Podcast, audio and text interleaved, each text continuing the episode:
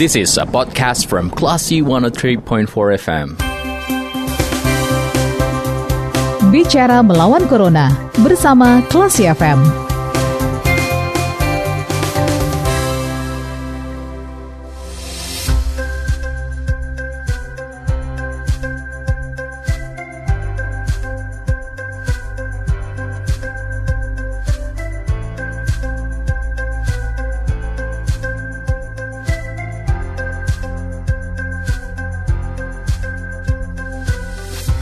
Empat kelas FM bersama kita lawan Corona. Kelas People, Anda masih mencermati program Bicara Melawan Corona bersama saya Faris Sardana. Pilkada sebentar lagi dilaksanakan pada bulan Desember 2020. Lalu bagaimana pasien COVID-19 nantinya menyalurkan hak pilihnya? Untuk menjawab hal ini Kelas People, saat ini kita sudah terhubung bersama salah seorang komisioner KPU Sumatera Barat, ada Pak Gabriel Daule. Assalamualaikum, selamat sore Pak Gabriel. Selamat sore Pak. Gimana kabarnya Pak? Alhamdulillah sehat. Alhamdulillah. Uh, mungkin uh, kita bicara tentang pilkada yang akan dilaksanakan uh, akan dilaksanakan bulan Desember, Pak. Uh, ya. Saat ini pasien COVID-19 terus meningkat. Sementara sebentar lagi kita akan melaksanakan pilkada. Bagaimana nantinya, Pak? Pasien COVID-19 yang diisolasi di rumah, diisolasi di tempat karantina dan uh, di rumah sakit untuk menyalurkan hak pilihnya. Iya, untuk pasien yang terpapar COVID kita tetap pastikan hak pilihnya terlayani dengan baik. Hmm. Bagi mereka yang dirawat di rumah sakit atau di tempat karantina, hmm. eh, nanti KPU Kabupaten Kota eh, menjelang hari pemungutan suara, lambat satu hari sebelumnya itu akan berkoordinasi dengan eh, Dinas Kesehatan dan gugus tugas untuk mendapatkan data eh, pemilih yang dirawat di rumah sakit ataupun di karantina di tempat karantina COVID. Hmm. Kemudian eh, setelah kita dapatkan datanya itu akan diurus surat pindah memilihnya hmm. ke TPS terdekat. Nanti pada satu jam terakhir sebelum TPS ditutup atau dari pukul 12 sampai pukul 13, hmm. petugas kita dari KPPS eh, terdiri dari dua orang KPPS ditemani pengawas dan saksi akan mendatangi pemilih tersebut di rumah sakit atau di tempat karantina. Hmm. Tentunya dengan uh, menggunakan alat pelindung diri yang yang yang cukup.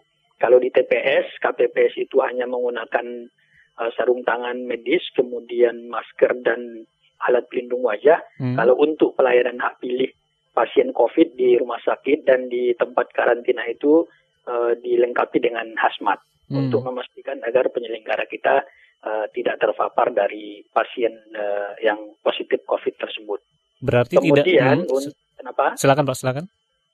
Kemudian untuk pasien COVID yang dirawat di rumah atau yang melakukan isolasi mandiri, hmm. uh, tentu mereka tidak perlu mengurus surat pindah memilih, hmm. tetapi mereka akan dilayani oleh uh, petugas KPPS di TPS di mana dia terdaftar yang berada di lingkungannya. Hmm. Sama perlakuannya nanti satu jam terakhir uh, petugas kita dari KPPS dua orang ditemani pengawas uh, TPS dan juga saksi akan mendatangi akan mendatangi yang terpapar COVID tersebut yang sedang melakukan isolasi mandiri, hmm. tentu dengan dilengkapi juga oleh alat pelindung diri secara lengkap. Hmm. Tetapi prinsipnya dalam pelaksanaan pemungutan dan penghitungan suara 9 Desember 2020, KPP kita itu akan mengutamakan pelayanan hak pilih pemilih di TPS. Hmm.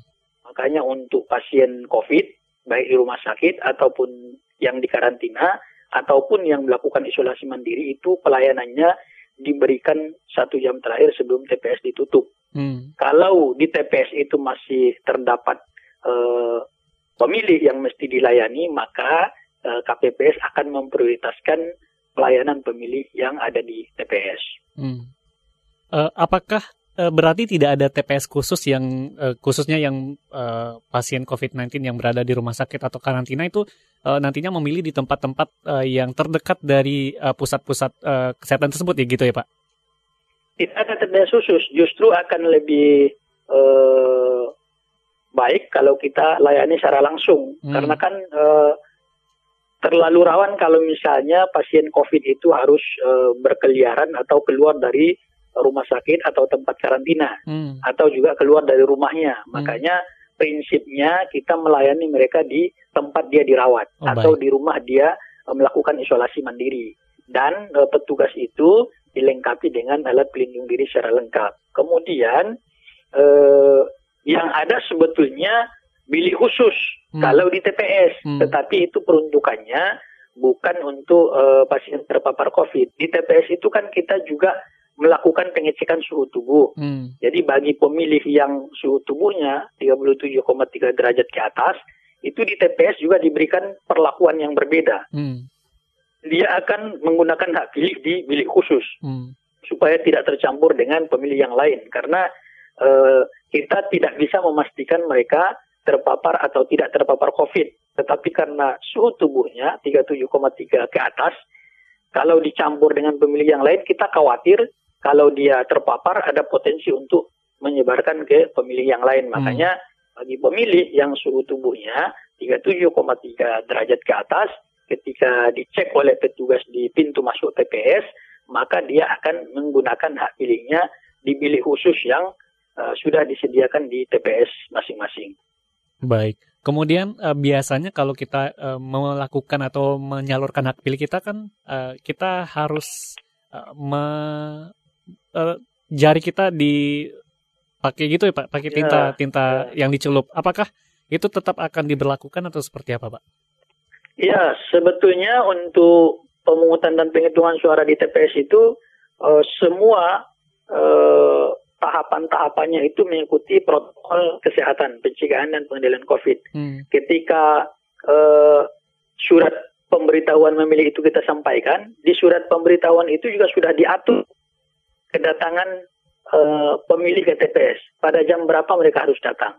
Tapi sifatnya anjuran atau himbauan hmm. agar tidak terjadi kerumunan di TPS. Pada prinsipnya kan itu boleh datang dari jam 7 sampai jam 13. Hmm. Tetapi uh, untuk menghindari kerumunan, setiap pemilih itu kita tentukan waktunya untuk dia datang ke TPS.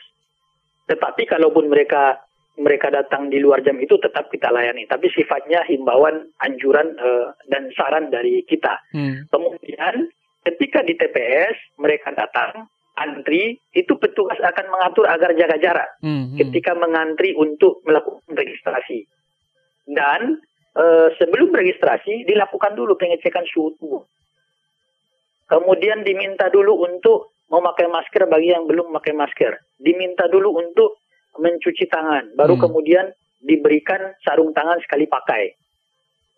Dan ketika mereka akan menggunakan hak pilih di bilik suara, hmm. setelah uh, eh, KPPS memberikan surat suara, di bilik suara itu uh, alat coblosnya juga akan disterilisasi secara berkala. Hmm. Walaupun sebetulnya kan tidak ada sentuhan kulit pemilih dengan alat coblos karena pemilih itu menggunakan sarung, sarung tangan. tangan sekali pakai. Hmm. Tetapi Eh, sebagai upaya maksimal kita untuk mencegah penyebaran COVID itu aku yang digunakan untuk mencoblos itu akan tetap disterilisasi secara berkala. Hmm. Sesudah dia mencoblos, kemudian keluar, memasukkan surat ke dalam kotak, keluar dari TPS.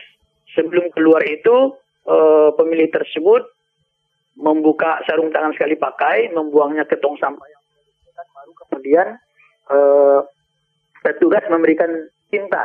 Hmm dalam bentuk uh, ditetes dengan cara ditetes. Ditetes, bukan dicelup ya, Pak? Lagi dicelup. Hmm, ya, baik. tidak lagi dicelup, ditetes uh, dengan menggunakan cotton bud. Baik. Jadi satu cotton bud untuk satu orang pemilih. Hmm, hmm. Jadi tinggal di di di teteskan ke jari pemilih tersebut menggunakan cotton bud sehingga kemudian uh, botol tempat uh, tinta itu tidak digunakan secara bersamaan oleh pemilih.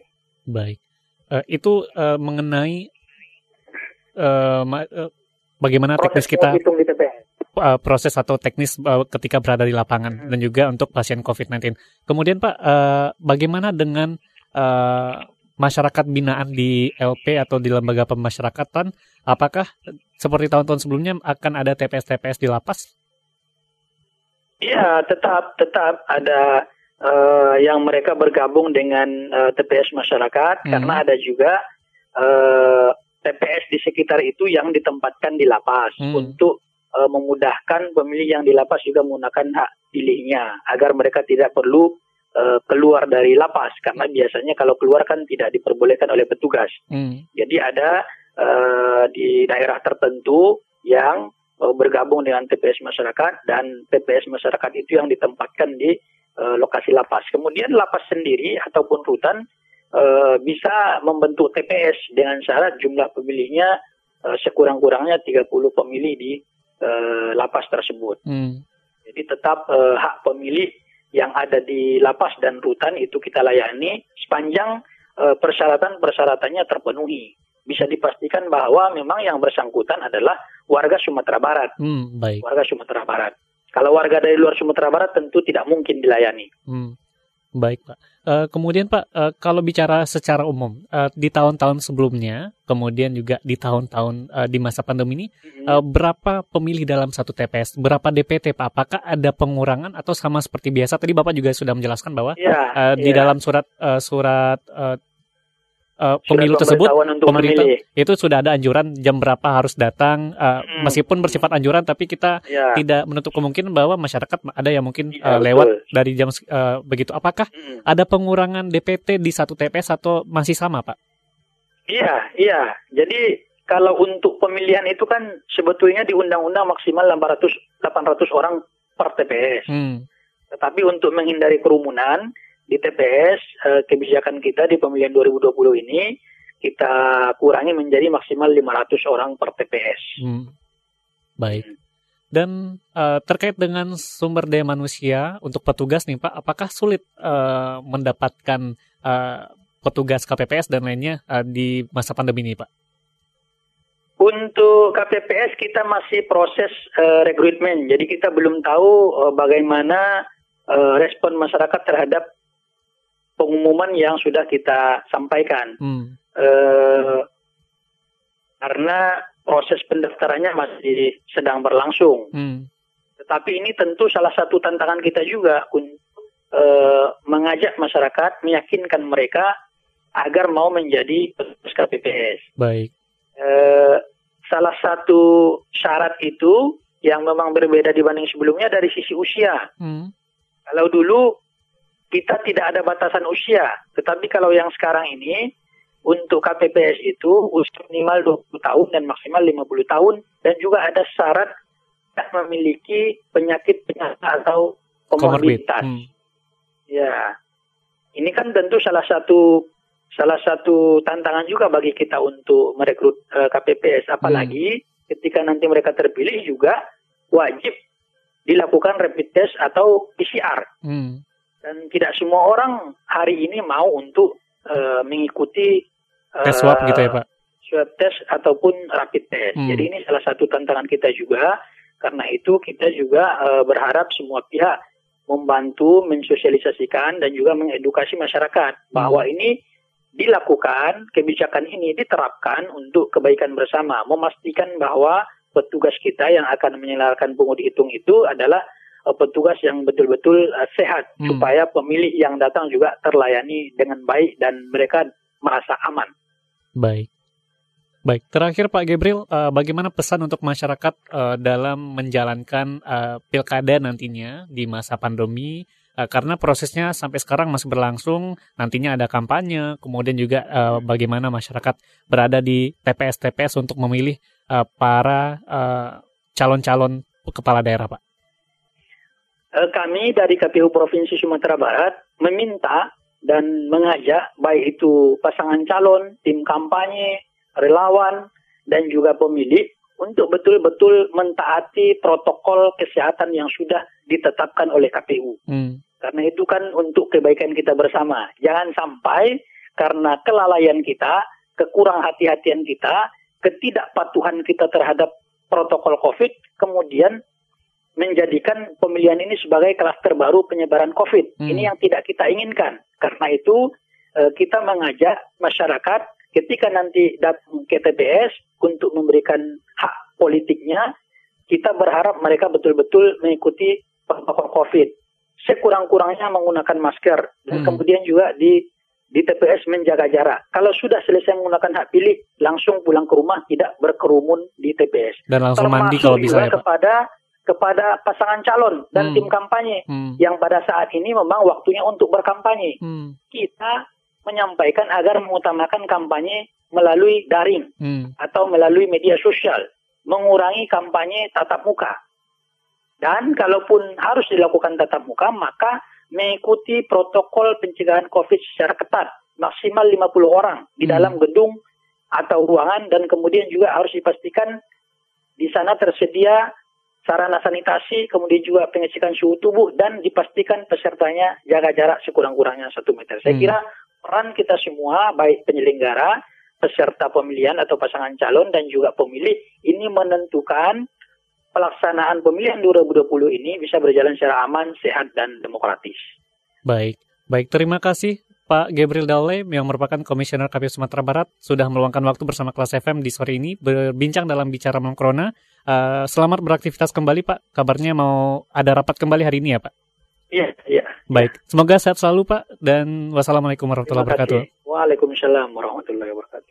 Baiklah si people itu perbincangan kita bersama Komisioner KPU Sumatera Barat, ada Pak Gabriel Daulay terkait dengan pelaksanaan pilkada yang akan dilaksanakan pada 9 Desember 2020 dan saya Faris Sardana, kita ke program selanjutnya.